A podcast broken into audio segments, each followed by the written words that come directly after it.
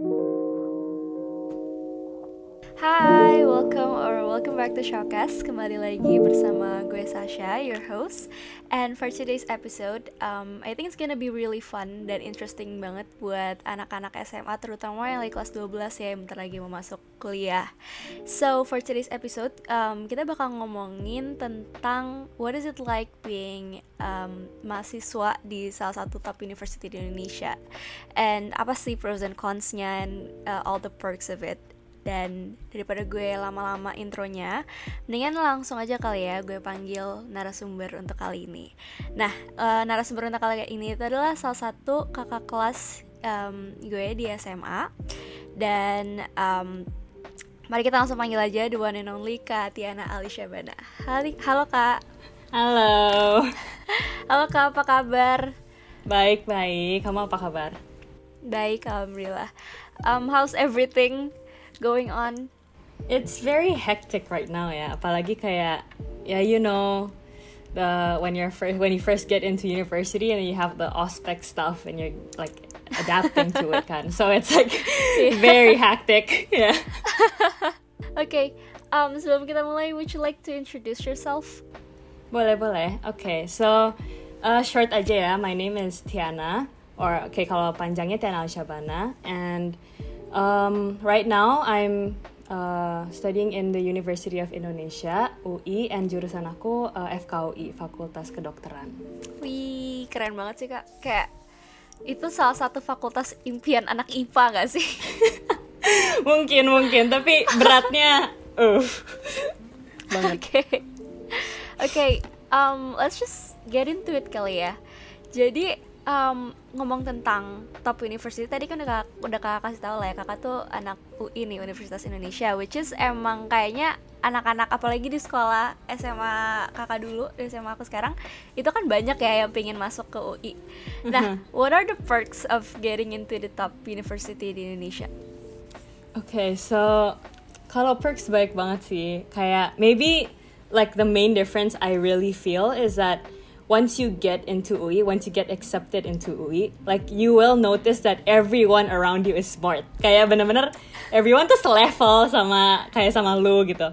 Dan ya yeah, like maybe apa ya perksnya like TBH ya kalau kalau kedokteran aja ya. I'm just saying kayak um, you do need adapt a lot and like jujur aja kayak people say you don't have time to hang out. Menurut gue itu it's kind of false, but you do need to like manage your time very well.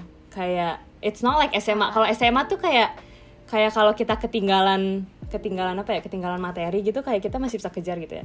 Tapi kalau kita di sini tuh if you like miss it, you're gonna be like very left out gitu. Gitu sih. Ah, I see. Jadi benar-benar harus fokus banget ya sama mm -hmm. uh, dosennya. Ya. Yeah kalau kita kan maksudnya kalau SMA sekarang kan walaupun ketinggalan bisa tinggal baca PPT-nya doang atau mm -hmm. belajar sendiri itu masih bisa kekejar lah ya. Kalau di kuliah nggak bisa ya kak berarti? The thing is kalau di SMA tuh kan kita dapat buku ya kadang. Kayak oh you iya get, benar. Ya yeah, you get books from library. Kalau mm. di kuliah tuh you learn to find your own materi. You learn to find journals you read yourself and all that. Jadi kayak nggak ada patokan kayak gue tuh harus belajar dari mana dan kayak gue belajar sampai mana kayak gak tahu gitu I loh. See, I see. yeah, yeah. Berarti culture shock banget dong ya waktu pertama kali masuk uh, universitas. I would say people will will have like a culture shock. It just depends on how you like you perceive it and how you manage it aja sih. Gitu. Mm, I see. Oke. Okay. Nah dulu pas pertama kali kakak um, masih SMA itu UI itu first choice kakak atau emang dulu sempat ada apa namanya pilihan-pilihan universitas lain ataupun fakultas lain? Oke, okay, so sebenarnya uh, kalau gue tuh dari dulu um, I was open to any university sih. But my main uh, my main uh, point and my main uh, apa ya, dream was to be a kedokteran jurusan di kedokteran gitu. Tapi uh, ya yeah, I was very open so I tried uh, sebenarnya kayak uh, sebelum UI tuh kalau nggak salah ada IUP UGM right like you have IUP UGM and then you have UNER kalau nggak salah. So yeah, yeah. I tried all of them. I tried. I also even tried swasta. Like I tried swasta and then I tried uh, other universities. but apparently uh, gue nggak keterima so maybe emang jalur gue ke UI gitu but yeah but yeah uh, I guess UI was in my mind but it wasn't like I was like pretty open to everything gitu Oh, I see. Berarti dulu kakak sempat udah ada banyak backupnya gitu lah ya, berarti? Atau gimana? yeah aku uh, like I'm pretty open so I would say backupnya lumayan banyak I see. Oke. Kalau misalkan di UGM dulu, kakak terima nggak IUP? enggak enggak ter nggak keterima um, Oke, maybe ya, uh, gue tuh orangnya cukup realistis juga ya. Maybe because um, I wasn't pretty interested in UGM. Maybe Oh, kalau lu emang mimpinya, Iya, lu iya. kan emang mimpinya ke UGM Iya. ya. Nah, gue kayaknya gara-gara kak- like I have an older sister and she went to UI juga, so I wasn't like familiar with UGM kan. Mhm, Jadi kayak gue kayak UGM is pretty new and uh, ya sebenarnya kayak gue belum terlalu tertarik walaupun I'm pretty open to it. So pas pas IUP UGM tuh gue sebenarnya nggak terlalu belajar. like I I see, I just see. winged it. Iya. Ya. I see. Oke. gitu. Oke, nah dulu eh, pas kakak udah tahu nih keterima UI, terus eh, tapi belum masuk belum masuk ke univnya ya. Nah tapi waktu udah masuk ke univnya itu ekspektasi kakak sebelum masuk ke universitas sama sekarang pas udah masuk itu beda nggak? It's very different. Tapi maybe yang gue bakal omongin kayaknya bakal beda sama fakultas lainnya. Kayak I think kedokteran like uh, what you need to remember and highlight is that every fakultas is different. Yeah. Kayak contoh aja uh, contoh aja kayak ospek gitu ya. Ospek fakultas ini sama fakultas gue gitu. Beda banget. Kayak it's gonna be very different. And even the module or even the things you learn is gonna be different and how you're gonna learn is very different juga. Nah, mhm. jadi kalau di maybe I'm gonna highlight kedokteran ya karena uh, it's very different in my opinion. So ya gue mikir jujur aja kayak gue masuk kuliah, all I'm gonna face is lectures, lectures, lectures, and ya kayak kayak ya gue belajar dengerin dosen doang gitu. Tapi kalau kedokteran ternyata it's very different. Uh, it focuses more. uh, namanya sih kalau di kedokteran tuh namanya um, student centered. So dosen is only there or like the doctors is only there just to like facilitate you. Dia- Mereka tuh fasilitator lu gitu loh. Ah. Dan lu tuh ya dan lu tuh banyaknya tugasnya presentasi. Jadi contoh uh, minggu ini gue dikasih topik ini, terus dibagi tugas di antara kelompok gue, terus nanti kita presentasi. Nah dan itu kadang dokternya aja nggak kasih klarifikasi gitu loh. Jadi gue mau nggak mau harus belajar dari presentasi temen gue gitu. Oh, It's like that. I see, I see. Uh-huh. Jadi kayak bener-bener bener-bener diserahkan ke apa mahasiswanya Yeah. masing-masing gitu ya? Mhm. So like if you're not if you're not niat on it, yeah, well you're just kind of screwed. Iya, iya, iya. gitu sih. I see. Okay, Mm-hmm. back of uh, talking about perks getting into top university, kakak sempet gak Mm-hmm. waktu pertama kali masuk di UI itu ada ekspektasi dari orang luar sekitar kakak kayak mungkin dari keluarga atau gimana gitu? Hmm, like expectations dari luar. Iya, kayak mungkin Hmm. uh, apa namanya dulu sebelum kakak masuk itu ada yang dari keluarga tuh bener-bener nggak ekspektasiin untuk kakak masuk UI ataupun sekarang kakak udah masuk nih Oh. terus kayak keluarga kakak nggak ekspektasiinnya kakak nanti di depannya itu kayak gimana? Atau mungkin kadang kan orang luar kalau ngeliat orang oh um, ini anak anak FKUI gitu berarti ini anak pintar atau gimana? Kayak uh, how do you manage all of that expectation dari luar? Karena kan I think it's kind of overwhelming juga ya kadang kalau terlalu banyak ekspektasi dari orang luar Mhm. I think expectations pasti ada, especially actually it depends on your family sih ya. Cuman um, gua tuh baru ngerasain banget mm, kayak ada expectations and pressure tuh emang pas kayak gua masuk FKUI-nya sih. Kayak um, in there like they really highlight that ya lu lu udah kayak di top university dan lu mau jadi dokter gitu loh. Kayak people around is gonna like look up to you and jujur aja kayak like this is like a kind of funny story sih. Kayak even my dad and my mom kadang tuh suka kayak nanya-nanya gue ini penyakit apa? Ini penyakit apa? Padahal gue masih kayak semester satu gitu loh. Kayak kayak ya the expectations is ya emang tinggi banget gitu loh. Jadi maybe if like if I want to give a tip I think just focus on yourself aja sih. Kayak um, pressure is always gonna be there. Like lu pasti ada namanya peer, pressure, and then you're gonna have like maybe if you have a sister and then dia udah sukses gitu, yeah, iya. you're gonna have that pressure juga. You're gonna be like, oh damn, uh, masa gue nggak bisa kayak dia gitu ya. But the main point in like this life gitu, you focus on yourself gitu. Kayak um, yeah, one thing I also learned is that everyone uh, goes in their own pace.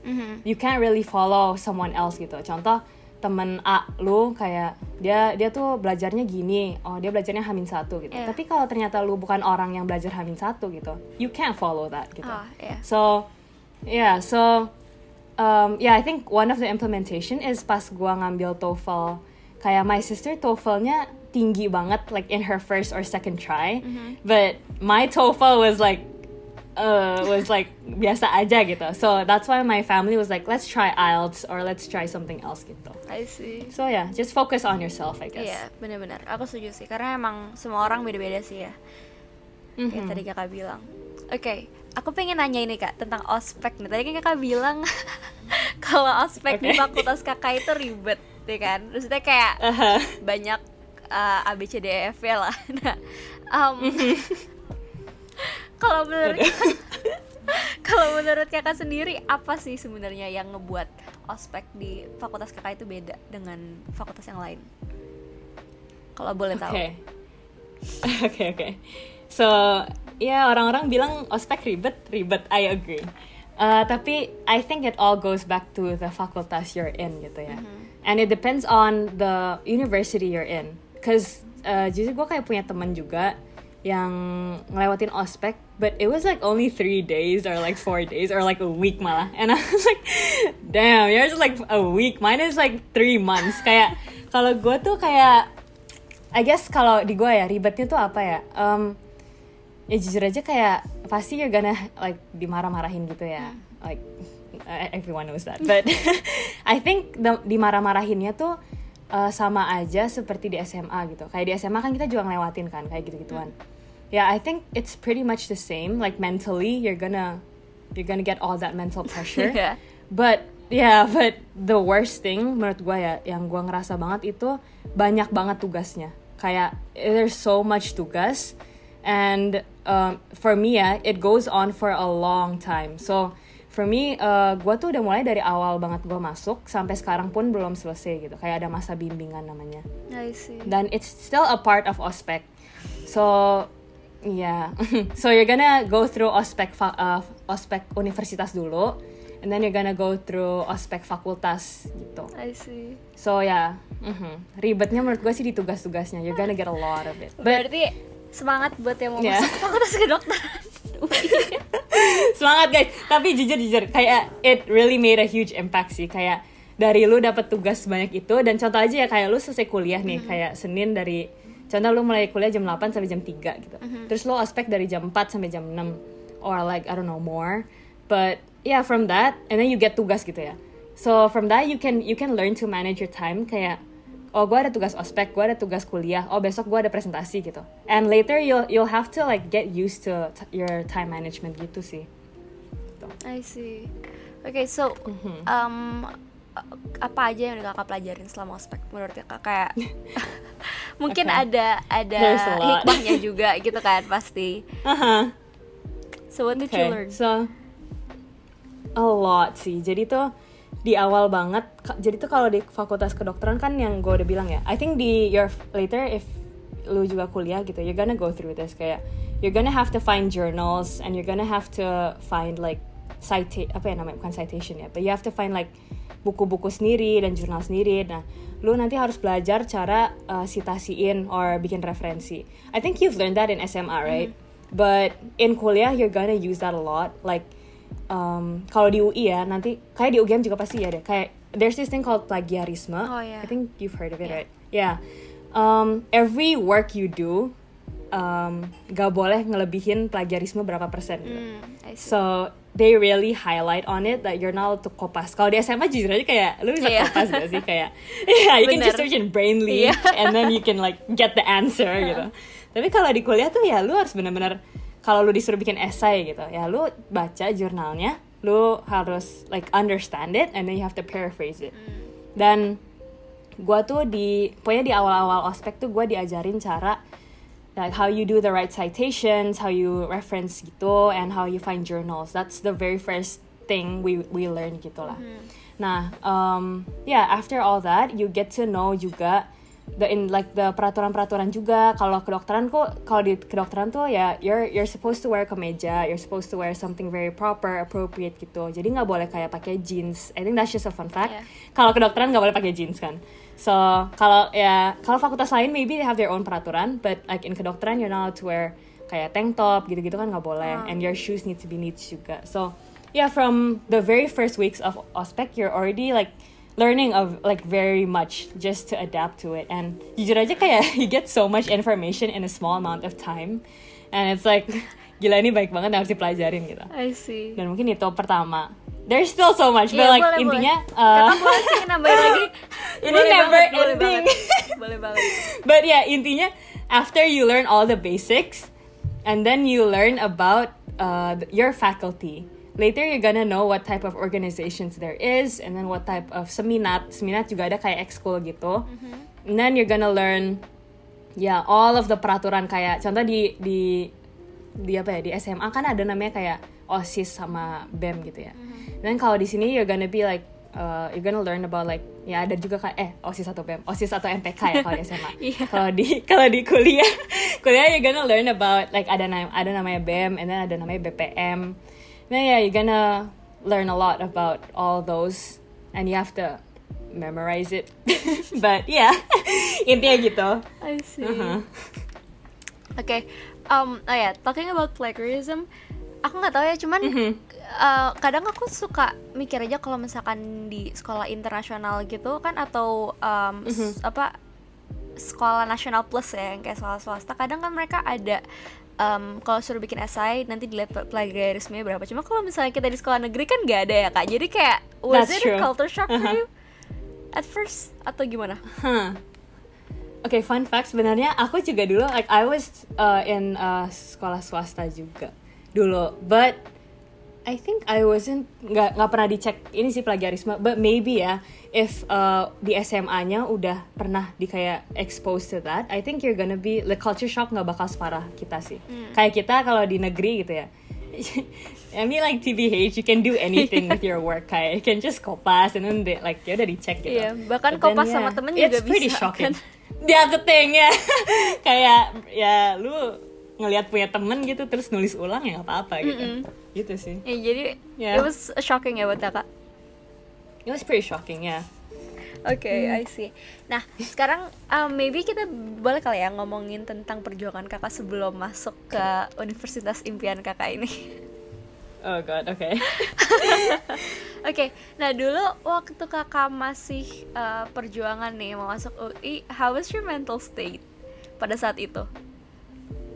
Okay. Um, mental state. Uh, I think kelas 12, I think you're gonna feel it juga. Iya. Gak tenang, gak tenang gitu sih jatuhnya kayak yeah, you're gonna be facing a lot of TO gitu. You're gonna be facing a True. lot of exams and all of them is gonna lead to like how your future is gonna be. Kayak kalau ya contoh aja kayak kalau ya for example kayak apa ya your nilai nggak terlalu bagus gitu kayak ya nanti kuliahnya gimana gitu. And ya jujur aja kayak there's gonna be so much you have to focus on apalagi di SMA ya di kelas 12 jujur aja it was very hectic. Kayak ya contoh aja lu bimbel gitu. Terus lu juga harus ngejar sekolah harus ada ujian uas terus nanti lu ada SBM Iya. but yeah uh, tapi how about you? Are you gonna do SBM or gimana? Um, kayak sih ya SBM. Kalau ternyata nggak dapet kuota SNM ya SBM pasti. Okay, so I guess one tip from me is I think lu juga udah sering dengar, but um, never expect too much from SNM. Don't Yeah. don't expect too much from undangan, yeah. Cause ya ini uh, experience aja sih. Karena my friends ada aja yang kayak they expect like a lot from SNM and jujur aja their ranking is very high gitu. Kayak tinggi banget. Tapi nggak keterima akhirnya gitu. Kayak you're gonna you're gonna go like whoosh you're gonna mental state-nya bakal parah banget kayak kayak turun banget. That's why menurut gua um, ya SNM is just a bonus for you. Like keep uh, ya, yang penting ya pasti doa gitu. Yeah. and then you have to yeah, you have to try your best, but don't expect too much gitu sih. And always have a backup. Itu sih tip gue kayak lu harus punya backup. Kayak contoh aja ya amit-amit gitu. Kayak SBM nggak keterima gitu. Ya lu mau gimana gitu? Mau mandiri kan pasti. And then that's like your last choice. Like what what mandiri Yeah. would not what mandiri or like what ujian do you wanna take gitu loh. Dan jujur aja lu harus mikirin lagi kalau emang itu nggak keterima lu harus nyari swasta gitu contoh kalau swasta nggak mau Ih. ya lu mau nggak mau nggak mau harus nunggu tahun depan gitu so Iya, Yeah. gap year. so, what did you do before before kayak what was your preparation before um, ikut UI lewat talent scouting ya kalau nggak salah kakak? mhm. Preparationnya kakak apa aja nih sebelum kayak maybe few months before atau few weeks before it? Okay, so um yeah, uh, I started like a year a year before maybe ya. Pastinya kan bimbel ya. I think uh, everyone in your pasti di kelas 12 sudah siap gitu ya bimbel. And mau nggak mau you have to start trying TO TO gitu-gitu ya. Just to make sure uh, SBM gitu. Um, but yeah, um, other than that, karena I was pretty open with the international class gitu, gue kan uh, Iya. kinda open with talent scouting. Walaupun kan kayaknya banyak juga yang nggak nggak mau talent scouting.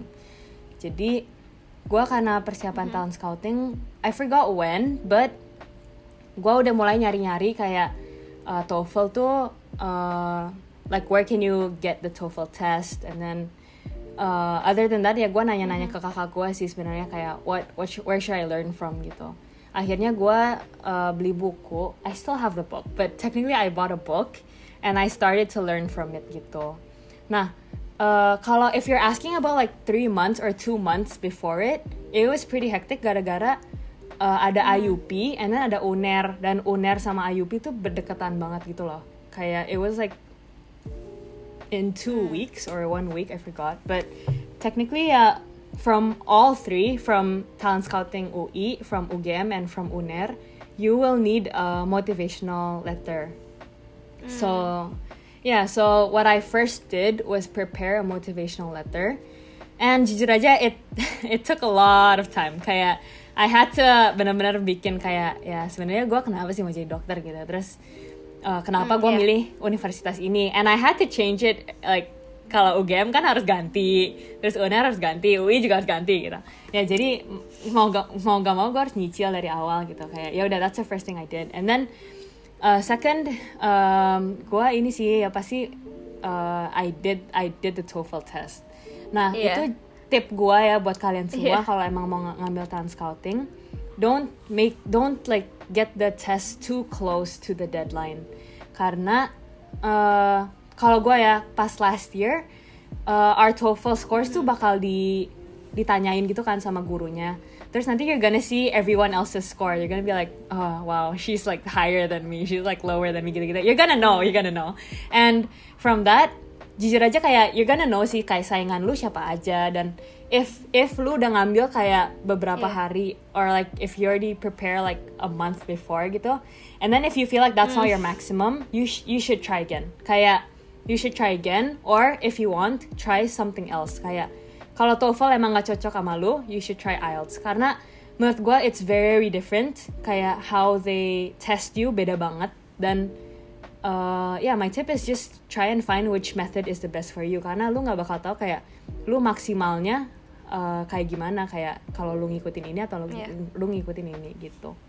So yeah. That's what I did in the last like three months or two months. And gue nyoba-nyoba kan TOEFL, IELTS, and then gue nyoba yang paper based, IBT gitu-gitu. Sampai akhirnya udah mepet banget, gue uh, tentuin ya udah kalau emang IELTS paling tinggi, gue ngambil yang IELTS aja. Tapi gue juga masih masukin uh, nilai TOEFL. And then you're gonna have to collect all the berkas-berkas kayak lu punya sertifikat apa, lu apa-apa gitu. And it's kind of raining, but okay. Uh, yeah, and then you're gonna have to. It's yeah, just my my tip is keep on track aja sih kayak takutnya nanti ada yang ketinggalan jangan sampai ada yang ketinggalan gitu kayak ya lu siapin berkasnya serti- apa-apa. uh, siapin sertifikat dan kalaupun lu uh, accepted you have to prepare an interview kayak prepare your mental state gitu you're not gonna have much time you're not gonna have much time to prepare for it karena contoh kayak lu bakal dibilang Hamin tiga or like Hamin dua, I forgot. You're gonna be like you're gonna get an email from UI and then you're gonna be like, um, oh hey, you got accepted to the next round gitu. and then you're gonna get like yeah, you're gonna have a next interview in like in two days or something. And itu kayak ya panik lah pasti kayak wow, I have like two days to prepare gitu. Dan jujur aja interviewnya is pretty hard gitu. I see. Oke, well to be honest kan dulu sebenarnya aku waktu kelas 10 kelas 11 tuh UI oriented banget dan aku sebenarnya ju- jujur aja iya Really? aku um, apa namanya nargetin ke talent scouting banget kan di hubungan internasional. But then um, setelah visit ke UGM terus abis itu sempet konsul-konsul juga turns out katanya uh, hubungan internasional kalau di luar Jakarta uh, lebih banyak potensinya. Terus aku juga sebenarnya udah pernah kemarin udah sempet nge apa namanya visit Unpad juga kan buat jadi second choice. Cuman kayaknya kalau lebih serak UGM makanya kenapa itu ngambil UGM. Cuman um, back to the talent scouting pas di UI kakak kemarin kan sempat ada interview ya. Um, and you said Uh-huh. that it was pretty hard. Nah itu how is it actually? Okay. Like okay it's hard for sure tapi kayak mungkin kakak bisa nge-spill beberapa Iya, pertanyaan bukan pertanyaan sih kayak what are the things that we should prepare for Bisa it? bisa. Uh huh. I think this also applies since I'm also trying to help you juga ya. Karena I think it's gonna be pretty same with UGM. The the thing you really need to start focusing on is your motivation. Kayak lu kenapa uh, mau bener-bener kayak contoh lu mau hubungan internasional gitu. Ya why do you want that? Like list down like three or like five. Kalau bisa lima. Tapi kayak if ya kalau three is enough juga. Kayak three reasons why you do want to be in that like fakultas. Or like why do you want to take that jurusan gitu. And then from that like you have to also focus on uh, your experiences juga sih. Kayak lu harus bilang kenapa gua kayak candidate yang paling cocok gitu. Karena kayak you're gonna be you're gonna your apa ya your lawan is gonna be the whole iya. Indonesia. Kayak jujur aja gua aja di UI kayak baik banget yang dari luar luar luar luar kota gitu kan. And yeah uh, you need to like focus on like kenapa gua tuh cocok gitu kayak diterima. Dan you have to say like bilang aja kayak contoh you have like contoh aja kayak you have this like experience of podcast gitu kan. Like this is this could be a very good uh, experience juga apalagi hubungan internasional you need a lot of communication and all that. You can mention like yeah I have a podcast and I have several experiences on like communicating with people and different types of like like contoh aja kayak lu punya like you meet a lot of Yeah. people right? And you like from different cultures and different stories and you can say that kayak yeah I'm like exposed to these type of differences and I, ya gitu kayak lu bisa harus bilangin aja kayak ya gue cocok gitu di sini and um yeah that's what you have to focus on on the interview. I think itu yang benar-benar basicnya banget. But pretty shocking. I don't know if it is gara-gara kedokteran tapi uh, gue tuh kemarin interviewnya nggak kayak gitu like in my interview it's divided. Ada so gue masuk interview ada enam breakout room. Nah you're gonna in my interview I'm going to face six different interviews in a day. And um, it's called MMI I. Think you can check it out in Google. Kayak namanya tuh mini mini interview atau apa gitu. Uh, I forgot what the the other M is but yeah it's called MMI gitu kalau salah. And it's it's something they actually use in kedokteran. So you so contoh gue masuk ke breakout room A gitu. Um, you're gonna rolling rolling gitu kan. Jadi gue pertama contoh gue masuk ke breakout room A. Nah lu masuk ada share screen gitu and then dikasih kasus kayak contoh aja ya uh, I don't remember specifically but contoh lu dikasih kasus kayak oh ada orang sakit ini and then uh, dia kayak lagi kecelakaan and then rumahnya nggak ada yang ngurusin gitu terus ada anaknya gitu. Like what would you do in that situation? Gitu kayak you're gonna have that's the type of interview I got. And lima dari breakout room itu lima atau empat is that type of interview. Kayak you're gonna be faced with a kasus with a case and then you have to solve it there and role play gitu And then kalau nggak salah satu lagi writing, and satu lagi ada yang interview biasa kayak what's your motivation, uh, why do you wanna be in UI, do you think lu cocok gitu. See. So Gitu sih. um, itu udah beda banget berarti ya sama expectation ya kakak waktu pertama kali mau interview. Iya. Karena ya I thought uh, an interview buat masuk kuliah itu something like jatuhnya yang tadi kakak bilang harus siapin itu kan jatuh kan kita kayak self branding Mhm. lah ya ke universitasnya ngejual diri Yeah, kita yeah. sendiri but turns out there are a lot of other things yang harus kita hadapin di interview Ya, apa ya? Maybe I think the reason why they do this is self branding. I think jujur aja kayak orang-orang udah mulai Iya. jago gak sih? Kayak people are good at self branding now is like yeah, it's everywhere gitu. And I think now they're trying to find like the character, the character in Yeah. you gitu sih. Kayak I think from the essen esensi dari interview itu ya mereka cari tahu gitu kayak ya lu tuh orangnya kayak gimana sih? Are you critical? Lu cocok nggak jadi dokter? Gitu sih. Kayak they can see from that interview ya are you gonna grow? Are you gonna like grow in UI Uh, kayak are you gonna be fit? Are you gonna fit in in UI and become a doctor gitu. Oke so ya bukan cuman asal ngomong aja but how you think Oke. juga. Okay, thank you, Kak. Uh, next question. So, um, I think this is the last question sih ya. Nah, setelah kakak Okay. masuk UI and everything, um, is there any differences dari pandangan orang-orang kayak maybe your friends or family ke kakak, atau is it still the same? Mm, okay. Uh, maybe because mm, gimana ya? I think um, because gue juga dulu, I guess uh, pernah ketua MPK juga ya. Uh, I don't feel, I feel, I don't feel like there's much difference gitu sih sebenarnya. It's just what I meant. I think I mentioned before, like how my parents juga sekarang yang ngerasa ada perbedaan gitu kayak oh anak gua nih calon dokter gitu maybe I can ask her about the penyakit penyakit gitu ya itu sih I, I feel like paling paling itu paling like different banget itu dari keluarga but maybe from my friends I think gara-gara dulu gue juga emang orangnya cukup sibuk gitu ya. I think they pretty understand me well gitu sih. Oh maybe this is another tip kayak you need to find the right friends for you. Kayak uh, having a lot of friends isn't the best thing in my opinion yeah. You just have to find the right friends for you and I think this will also uh, be important kalau lo masuk kuliah ya. Kayak you're gonna you're gonna need a peer group namanya peer group ya. And you're gonna need someone yang who can support you. And it doesn't have to be a lot. Seenggaknya lu bisa you can go through everything together gitu. Oke, back to topic, but intinya, cause fakultas kedokteran, fakultas kedokteran kan ter- apa ya, dikenalnya sebagai sibuk gitu ya.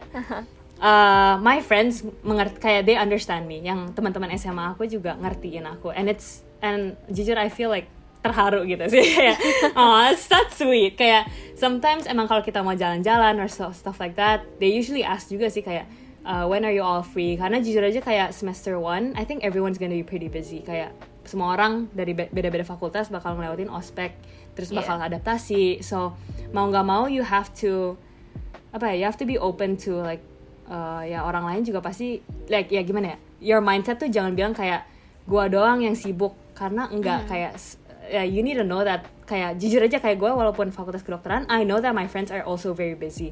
So you, don't be close minded aja sih kayak contoh Yeah. uh, I'm free this Saturday gitu. Terus gua nanya Uh, lu, lu lu Sabtu lu pada kayak Sabtu ini libur eh, liburan gitu nggak? Mau mau jalan-jalan gitu nggak? Terus kayak if they can't ya don't force it gitu. Karena Yeah. they have their own business juga and they have their own priorities. So that's one thing you need to know juga sebagai manusia gitu kayak later pas di kuliah don't be jatuhnya bukan egois sih tapi ya don't be ya don't be egois gitu. That. But ya yeah, tapi jujur aja I do feel like um, orang-orang ngeliatin aku kayak aduh ini orang sibuk banget gitu. I think uh, out of respect juga sih mereka juga takut ganggu gue gitu. So they yeah I think everyone's pandangannya nggak terlalu berubah gitu karena mereka juga kalau mau nanya mau ngajak jalan-jalan ya pasti nanya dulu and I think that's just the right thing to do aja gitu so ya nggak ada kok yang sampai ngejauhin gitu-gitu no but ya pandangannya gitu sih Okay, I Gitu. see. Okay, Mhm. so lastly, before we close this podcast, I have a quick quiz for you, Kak. so the quiz is tadi kan kakak bilang um, that di kuliah sekarang ini apalagi di semester pertama itu kan sibuk banget ya dan pastinya you have to manage your time. Nah, how do you balance between kesibukan di perkuliahan and also having times for yourself, your family, and your friends? Okay, this is a very a hard quiz. Oke, oke, maybe agak ini bakal agak lama sih. Tapi Gak jujur, apa-apa. Okay, okay. Just a tip for you guys see. This is like one thing I really did learn semenjak masuk FK is how important our mental health and well-being is. Um, karena jujur ya kita ngelewatin kelas 12 kayak kita mikir jujur jujur aja sih kita mikir kayak ya asalkan gue masuk kuliah gitu gue nggak apa-apa kayak secapek apa pun gue belajar kayak gue belajar dari pagi sampai malam nggak apa-apa kayak temen gue aja sampai ada yang sampai bener-bener begadang untuk belajar gitu tapi ya once I get into FK ada uh, modul namanya uh, HPCC or ya HPCC itu kayak about your well-being gitu lah intinya. Nah di situ tuh gue bener-bener kayak di highlight banget kayak ya your well-being is very important. It's something you really need to prioritize gitu. Ya karena gimana ya contoh uh, gue belajar dari pagi sampai malam gitu. Gue nggak makan atau gue keteteran gitu, gue kecapean. But if your well-being or like your your state, like your well-being state, physically or mentally isn't good, uh, ya apa ya performa performa lu nggak bakal sampai maksimal gitu. Dan gue pun udah ngelewatin juga kayak I've had like uh, namanya sumatif like an exam like two days in a row and then I had a presentation gitu-gitu. And gue pernah sampai ngedrop juga gitu kayak sampai sakit. And gue ngerasain banget kayak it, it does not feel good kayak cause like even if you're per, like even if you're sick even if your like well-being state isn't good like life still has to go on. Yeah. so yeah like you can't really stop it. Like you can't you can't really say kayak oh, gue mau istirahat gitu. Kalau di SMA jujur aja kayak it's a bit a bit chill ya. Tapi Yeah. sekarang tuh kayak gue tuh emang kayak setiap hari ada presentasi gitu ya contoh if I miss out on that kayak gue nggak dapet nilai gue nggak nggak bisa dengerin presentasi orang lain gue nggak bisa tanya jawab gitu. Dan gue ngerasain banget kayak ya, if I miss out on that ya bakal makin jelek lagi. That means like like the, the apa ya akar dari semua masalah itu ya is your well-being. Whatever you whatever like whatever you're going through you still have to focus on your mental state and then you have to focus on your physical juga kayak contoh lu Iya. contoh lu kayak makan gitu kayak oh gue seneng gitu makan maybe like by self rewarding you eat a lot and stuff like that. But like kalau lu nggak olahraga gitu ya you're gonna be sick juga gitu. So I guess that's like the akar bener-bener akar masalah on like you time management I think is just focus on your well-being first. That's the first thing you have to do. Kayak um, don't ever forget your mental mental health your apa ya, physical health don't ever forget it. Sesibuk apa pun lo don't ever forget it. Intinya gitu. That's the first thing. Terus second if you're asking about um, tentang perkuliahan ya. Um, like okay this is what I got from Mabim juga. Uh, you can search about it juga. Namanya ada Pareto and there's also um, about urgency seriousness USG deh kalau nggak salah. Urgency seriousness and growth so there's actually several things several methods like bener-bener uh, methods you can learn untuk time management. But um, yeah the what what you need to focus on is you need to know your priority. Contoh aja yeah you're gonna have to face a lot of these but contoh kayak lu besok ada dua ujian gitu. Lu ada be- dua lu besok ada dua ujian terus uh, like you have two exams and then you're gonna have a presentation and then you're gonna have apa contoh lu ikut organisasi gitu. You need to know like which one you prioritize first. Contoh aja ya mau nggak mau you have to prioritize an exam dulu gitu. Yeah. and kalau contoh ujiannya uh, ada yang lebih susah. Contoh PKN lawan MTK gitu ya. Ya lu harus tahu kayak MTK lebih lebih harus gua prioritasin gitu. Dan yeah you need to know your priority and then uh, you also need to as I said before you, need, you also need to make time for yourself gitu sih. Dan jujur ya kayak gue semenjak kuliah gue ngurangin namanya nonton-nonton sama kayak mm, kayak aja kan gue dulu fan girl juga ya dan gue suka nonton drama. Dan it's not that I don't have the time to do it but I choose to do something else other than that. Kayak ya gue ada tugas gitu minggu depan. Ya might as well just do that first gitu biar minggu depan gue nggak keteteran gitu sih. Yeah. that's that's another way I guess. I see. Hmm, apalagi ya do I have any other tips oh I guess one one more one more ya. this is like a very good one for me just I think gue udah ngomong sebelumnya but uh, I do want to highlight that you have to have your own pace apalagi uh, lu nanti di semester 1 you're gonna be surrounded by people yang cara belajarnya bakal beda-beda. Ada yang belajarnya sesuai mood, ada yang belajarnya hamin satu, hamin dua, hamin seminggu, hamin sebulan gitu. Dan uh, sebenarnya semester 1 is the time for you to try all of them. Kayak gue gue juga pernah interview orang kayak senior senior kan, and they say kayak semester 1 is the best way, is the best time to try all the different methods there is to know which one matches you. Karena ya contoh aja gue aja sekarang belum ketemu, but then ya yeah, I'm trying kemarin tuh gue nyoba hamin satu, not not a good idea, but hamin satu gue udah nyoba, dan hamin seminggu pernah kemarin, and then maybe maybe uh, gue bisa nyoba hamin sebulan, but I don't know. But intinya uh, what you need to focus on in kuliah is saking lu bener-bener dibiarin sama dosen-dosennya. Like kalau di apa ya di SMA tuh kalau lu nggak ngerjain tugas ya udah. Kayak eh kalau di SMA lu nggak ngerjain tugas lu bakal dikejar kan? Iya. kayak you're gonna be like kok lu belum kayak kok kamu belum ngerjain tugas? Kayak deadline-nya udah lebih ini. Kalau ini tuh kayak di kuliah if you don't do your tugas then you're just gonna get a zero gitu loh. And yeah it's that's exactly the thing. Like you need a list down if that's the best thing you can do list down all of the tugas and then also find your own pace aja. Kayak kalau cocoknya belajarnya kayak gimana. Terus lu harus tahu lu tuh uh, prioritinya apa di kuliah. Kayak kalau di kedokteran ya ada namanya kan pengabdian masyarakat gitu and then ada juga yang mau fokus ke research, eh, research kan siapa tahu gitu nah nanti kan ada banyak organisasi juga later you gonna know like uh, which organization matches you and which doesn't gitu contoh kayak kalau gue sukanya pengabdian masyarakat gue ikutnya ke contoh AMSA gitu atau gue ikutnya apa gitu But then kalau gue lebih suka research atau gue lebih suka debat atau lomba ya gue ikutnya yang lain gitu. Itu sih. I think that's what you yeah find your identity. That's that's important. I see.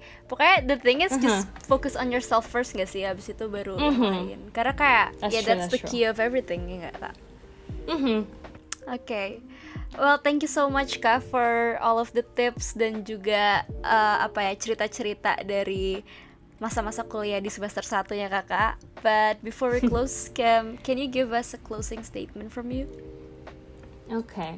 Uh, yeah, first of all, I want to say thank you very much karena udah uh, udah apa ya kasih aku kesempatan juga untuk ada di sini dan I think it was very interesting like all of the questions. I hope my answer although it's sometimes kepanjangan, but I hope uh, ada hikmahnya atau ada esensinya dari semua itu. Semoga ada yang didapetin juga dan gue uh, mungkin my hopes for uh, apa ya untuk angkatan-angkatan bawah ya semoga uh, ya semoga kalian bisa keterima di PTN yang kalian inginkan dan kalaupun emang swasta atau di luar negeri gue juga berharap it's like apa ya it's the right jalur for you. Karena kayak ya yeah, I feel like this goes back again but like find your find your own identity and don't really focus on anything else other than that. Karena by the end of the day ya you're living your own life aja sih gitu. But yeah uh, I just want to say thank you and semoga juga um, ke depannya podcast ini makin sukses Amin. yes ya gitu gitu Amin oke okay. um, thank you so much juga loh kak udah mau uh, join di episode kali ini udah mau di interview juga and also um, giving your time untuk di interview kali ini since I know that you're very busy with your um, college stuff. Enggak, enggak, enggak, enggak. No, it's okay, it's okay. Ini nih, ini namanya ekspektasi dari luar negeri, eh dari luar, dari luar orang-orang luar nih. Everyone saying I'm busy. It's okay, I still have the time. Santai. Yeah. Thank you so much ya kak for sharing everything juga. Um, if I'm being honest, aku sendiri juga akhirnya mendapatkan insight about apa sih sebenarnya kuliah. Oke. Okay. if I'm being honest, ini aku aku sebenarnya di uh, tahun ini tuh nggak ngambil bimbel sama sekali. So I do hmm. everything by myself kecuali That's ada cool. sih beberapa beberapa apa namanya les-les kayak buat pelajaran ekonomi mm -hmm. atau matematika gitu kan buat TPS kuantitatif and stuff like that but like mm-hmm. bimbel in general aku nggak ada itu so I'm doing everything by myself and it's actually That's very really overwhelming cool. for my for me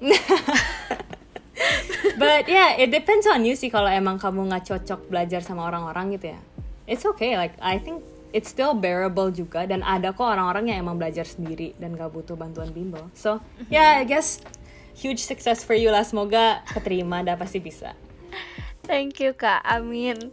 Um, ya, yeah, I also wanna say semoga uh, semua perjalanan kuliahnya kakak lancar terus Amin. dan sukses di ke depannya. And yeah, I guess that's it for today. Um, thank you again buat Katiana, Katiana for joining. I hope um, I hope for the listeners, I hope you guys enjoy it dan semoga juga kalian dapetin insightsnya. Also, don't forget Amin. to um, follow all of our social media. Ada di Instagram at showcast.sha, on Twitter at showcast underscore sha, and don't forget to subscribe to our podcast. It's on available on Spotify, Apple Podcasts, and Google Podcasts. And you can also check our website. Uh, it is in the bio of our social media, and you can support us by Anchor. So yeah. Anyway, um, that's it for today. I hope you guys enjoyed, and I will see you guys in the next episode. Bye.